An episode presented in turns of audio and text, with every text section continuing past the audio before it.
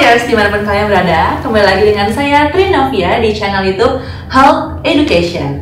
Kita akan membahas sebuah topik yang sangat luar biasa dan tentunya sangat dibutuhkan oleh tenaga kesehatan di Indonesia. So, selamat menikmati.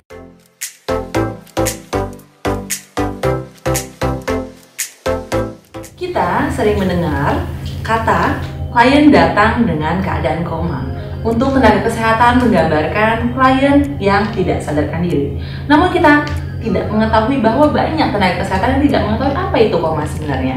Koma adalah kondisi klien dengan tingkat kesadaran yang paling rendah di mana mereka tidak lagi merespon terhadap rangsangan yang berada di sekitarnya dan juga lingkungan.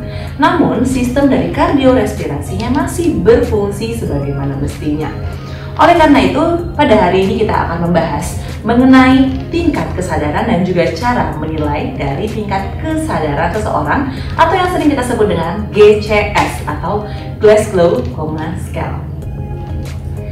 Glasgow Coma Scale atau GCS pertama kali diperkenalkan pada tahun 1974 yaitu oleh Tisdale dan juga Jenat. Pada saat itu mereka menggunakan GCS untuk menilai tingkat kesadaran dan juga merekam tingkat kesadaran klien mereka di rumah sakit. Dan juga yang perlu kita ketahui terdapat tiga hal pada penilaian GCS ini, yaitu yang pertama A atau I atau kita sebut dengan respon melihat. Kemudian yang kedua itu ada V atau verbal, respon berbicara. Dan yang terakhir yang ketiga adalah M atau motorik, respon dalam bergerak. Dan nanti dari setiap indikator ini memiliki skor 1 sampai dengan 6 dan setiap indikator ini akan dijumlahkan dan akan diinterpretasikan sesuai dari tingkat kesadaran masing-masing dari klien tersebut. Kita mulai dari indikator pertama yaitu indikator I atau respon melihat. Di mana indikator melihat atau respon melihat ini terdiri dari skor 1 sampai dengan 4 di mana 4 adalah respon tertinggi atau terbaik dari kondisi klien dan 1 adalah respon paling terendah dari kondisi klien. Kita mulai dari scoring 4. Scoring 4 adalah kondisi ketika klien mampu melihat secara spontan dan kita bisa menilai itu dengan respon yang sangat baik. Kemudian scoring yang ketiga yaitu ketika klien mampu melihat ketika kita merangsang mereka dengan rangsangan suara. Kita panggil namanya dan kita minta mereka untuk melihat itu. Kemudian scoring yang ketiga yaitu scoring dengan nilai 2 yaitu ketika klien mampu melihat ketika kita berikan rangsangan nyeri. Kita berikan rangsangan nyeri di tangan ataupun kakinya di daerah perifer maka mereka akan melihat atau memberikan respon melihat. Dan yang terakhir yaitu respon yang paling rendah yaitu skor 1 di mana klien tidak mampu melihat atau tidak mampu membuka matanya sama sekali. Kemudian kita beranjak yaitu ke indikator kedua mengenai verbal Verbal di sini memiliki scoring 1 sampai dengan 5, di mana scoring kelima adalah scoring tertinggi atau terbaik kondisinya pada klien dan satu adalah kondisi terburuk kondisinya pada klien. Scoring kelima yaitu klien mampu terorientasi dengan baik dan kita mampu mengajaknya bicara dan ketika kita tanyakan nama, tanyakan tempat tinggal, klien mampu menjawab dengan baik. Lalu skor keempat yaitu ketika klien mengalami disorientasi dan juga mereka mengacau. Mereka tidak mampu menjelaskan di mana mereka tinggal, mereka tidak mampu menjelaskan kapan, tanggal, dan juga hari tanggal lahir dan juga mereka tidak mengetahui nama mereka sendiri.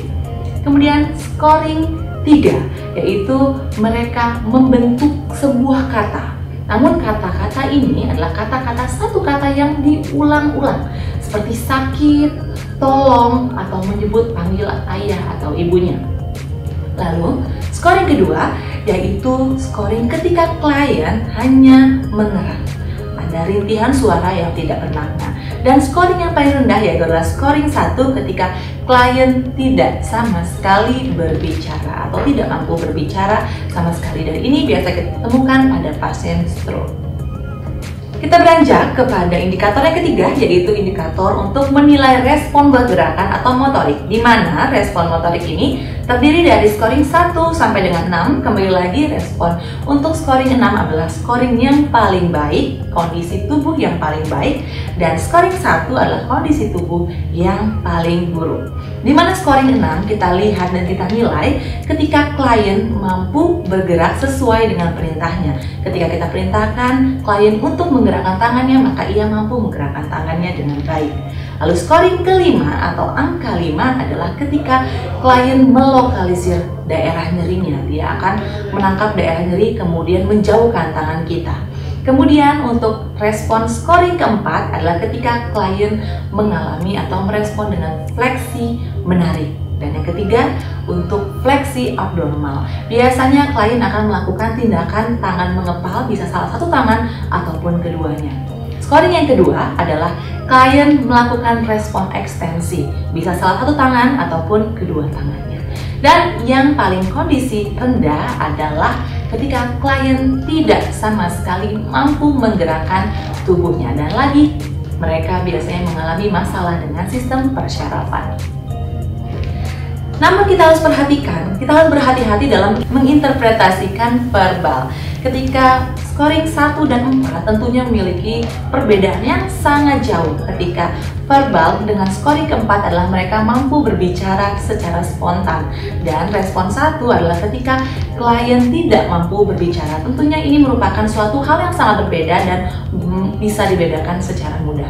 Namun kita harus lebih berhati-hati ketika klien kita nilai untuk scoring 2 maupun ketiga.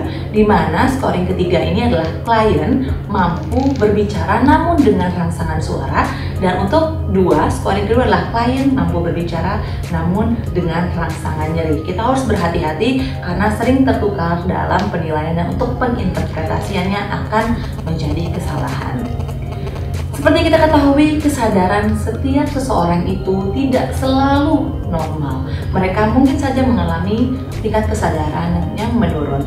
Misalkan pada kondisi klien yang keracunan atau mungkin kondisi klien yang darahnya tidak bisa lancar untuk mengalir ke daerah otak atau mungkin klien sedang berada di tempat yang tertutup dan sempit sehingga oksigen dan darah tidak lancar dan juga akhirnya terdapat tekanan pada rongga kepala. Hal-hal tersebut yang menyebabkan klien mengalami tingkat penurunan kesadaran. Dan juga kita mengetahui ketika kita sudah menilai, interpretasikan IM dan Si tadi kita nilai, kita jumlahkan dan total tertinggi adalah 15 di mana nilai tingkat E atau respon melihat adalah 4, respon verbal adalah 5, dan respon motorik adalah 6. Ketika kita jumlahkan maka kondisi sempurna klien adalah 15 dan kondisi terendah klien itu adalah 3 di mana respon berbicara satu, respon bergerak satu, dan respon untuk membuka mata juga satu. Sekarang kita beralih bagaimana cara menginterpretasikannya dan apa saja sih klasifikasi dari tingkat kesadaran ini. Tingkat kesadaran dengan scoring 14 dan 15 ini kita sebut dengan kompos mentis. Apa itu kompos mentis? Kompos mentis adalah di mana kondisi klien mengalami yang namanya klien sadar total. Mereka mampu untuk bergerak, berbicara, bisa diajak bergobrol, berbincang-bincang, dan juga mereka terorientasi dengan baik. Kemudian tingkat kesadaran yang kedua dengan skor 12 sampai dengan 13 yaitu apatis. Apatis adalah tingkat kesadaran di mana klien mengalami kondisi di mana mereka sadar sepenuhnya, namun terkadang mereka malas dan tidak mau menjawab pertanyaan dari kita. Misalkan terkadang mereka mampu menjawab, namun di lain situasi mereka tidak mau menjawab meskipun mereka sadar. Dan tingkat kesadaran yang ketiga dengan skor 10 sampai dengan 11 yaitu delirium. Delirium adalah kondisi klien di mana klien mengalami kekacauan yang luar biasa dan juga biasanya mengalami gangguan pada siklus tidur dan juga biasanya kita temukan klien mengalami namanya gelisah, gundah dan juga disorientasi dan juga mereka suka berteriak-teriak. Itu adalah kondisi di mana tingkat kesadaran mereka pada posisi delirium. Kemudian tingkat kesadaran berikutnya dengan skor 7 sampai dengan 9 yaitu adalah somnolen. Apa itu somnolen?